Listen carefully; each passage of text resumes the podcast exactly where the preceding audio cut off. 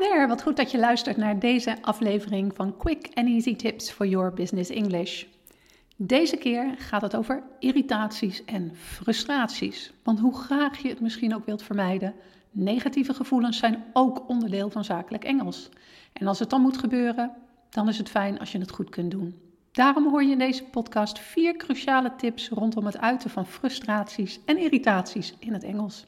Mijn naam is Anneke Drijver van Improve Your Business English en de auteur van het boek Master Your Business English: Communicate with Power in 7 Simple Steps. Ik help ondernemers en doelgerichte professionals van hun middelbare school Engels af, zodat ze ook internationaal met impact en vol zelfvertrouwen in het Engels kunnen communiceren.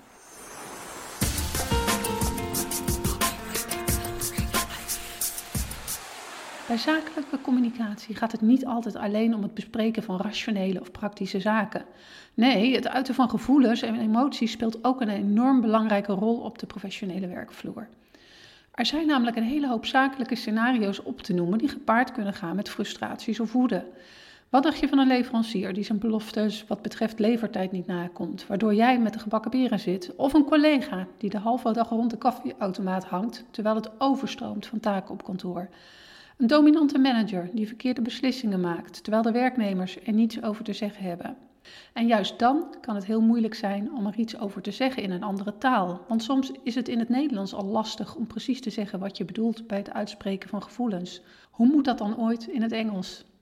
Als het nou gaat om het geven van een compliment dat per ongeluk verkeerd gaat, resulteert dat in het ergste geval in een enorme lachbui onder je collega's en zullen ze hoogstwaarschijnlijk wel aan je toon begrijpen dat het een opmerking met een goede intentie is. Maar als, het, als we het hebben over zogenaamde negatieve emoties, zoals frustraties en irritaties, dan ligt het een stuk gevoeliger om fouten te maken in wat je zegt. Daarom is het in dat geval extra belangrijk om er zeker van te zijn dat je het juiste zegt. Klagen in het Engels is part of life en moet soms simpelweg gebeuren. Dus ontwijken is ook niet de oplossing. Nee, de uitdaging is juist om het op de goede manier te doen.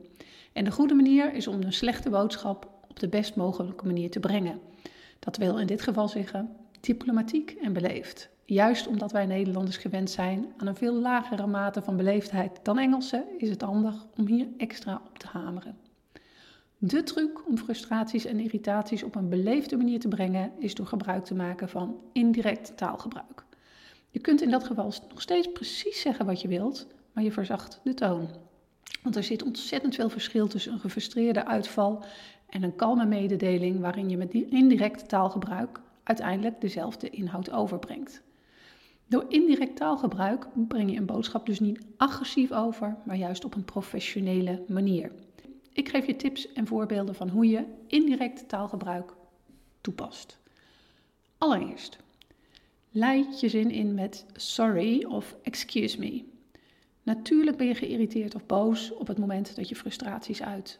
Maar dit begrijpt de ontvanger van ook wel zonder dat je het op een directe manier brengt.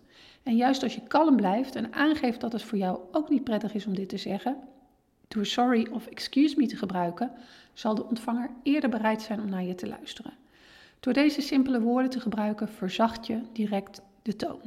Voorbeelden.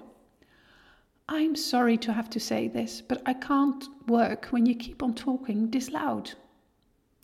Excuse me, but I think there is a problem with your attitude towards your co-workers. I'm sorry, but I'd like to make a complaint about your services. Excuse me if I'm out of line, but I don't feel comfortable with the way you give us commands. I'm sorry to say this, but I'm quite disappointed with the lack of responsibility. Ten tweede, voorkom het beschuldigen van je gesprekspartner als er iets gebeurd is wat bij jou heeft geleid tot irritaties en frustraties. Als je direct met een vingertje gaat wijzen, voelt de andere zich bedreigd en is de kans dat hij of zij jou nog wil helpen ineens een stuk kleiner. Zeg dus niet direct dat een ander de oorzaak van de fout is, en vooral als je dit niet zeker weet. Op het moment dat er bijvoorbeeld veel onzekerheid is over wat er precies mis is gegaan, kun je irritaties of frustraties beter algemeen inleiden. Bijvoorbeeld met zinnen als: Perhaps that was a misunderstanding. There appears to be a problem with noise disturbance. Ten derde is het een stuk beleefder om na het uitspreken van een frustratie of klacht geen eis te stellen, maar een vraag. Zeg dus niet iets in de trant van ik wil dat jullie het nu oplossen of ik eis schadevergoeding, maar stel een vraag, zoals een van de volgende. How can we fix this? Do you have any thoughts on how to proceed? Is there anything that can be done to improve the situation? Tot slot, de vierde en laatste tip heeft niets met de Engelse taal te maken, maar gaat juist over de manier waarop je iets zegt en geldt voor alle talen. Blijf praten met een rustige, relaxte stem.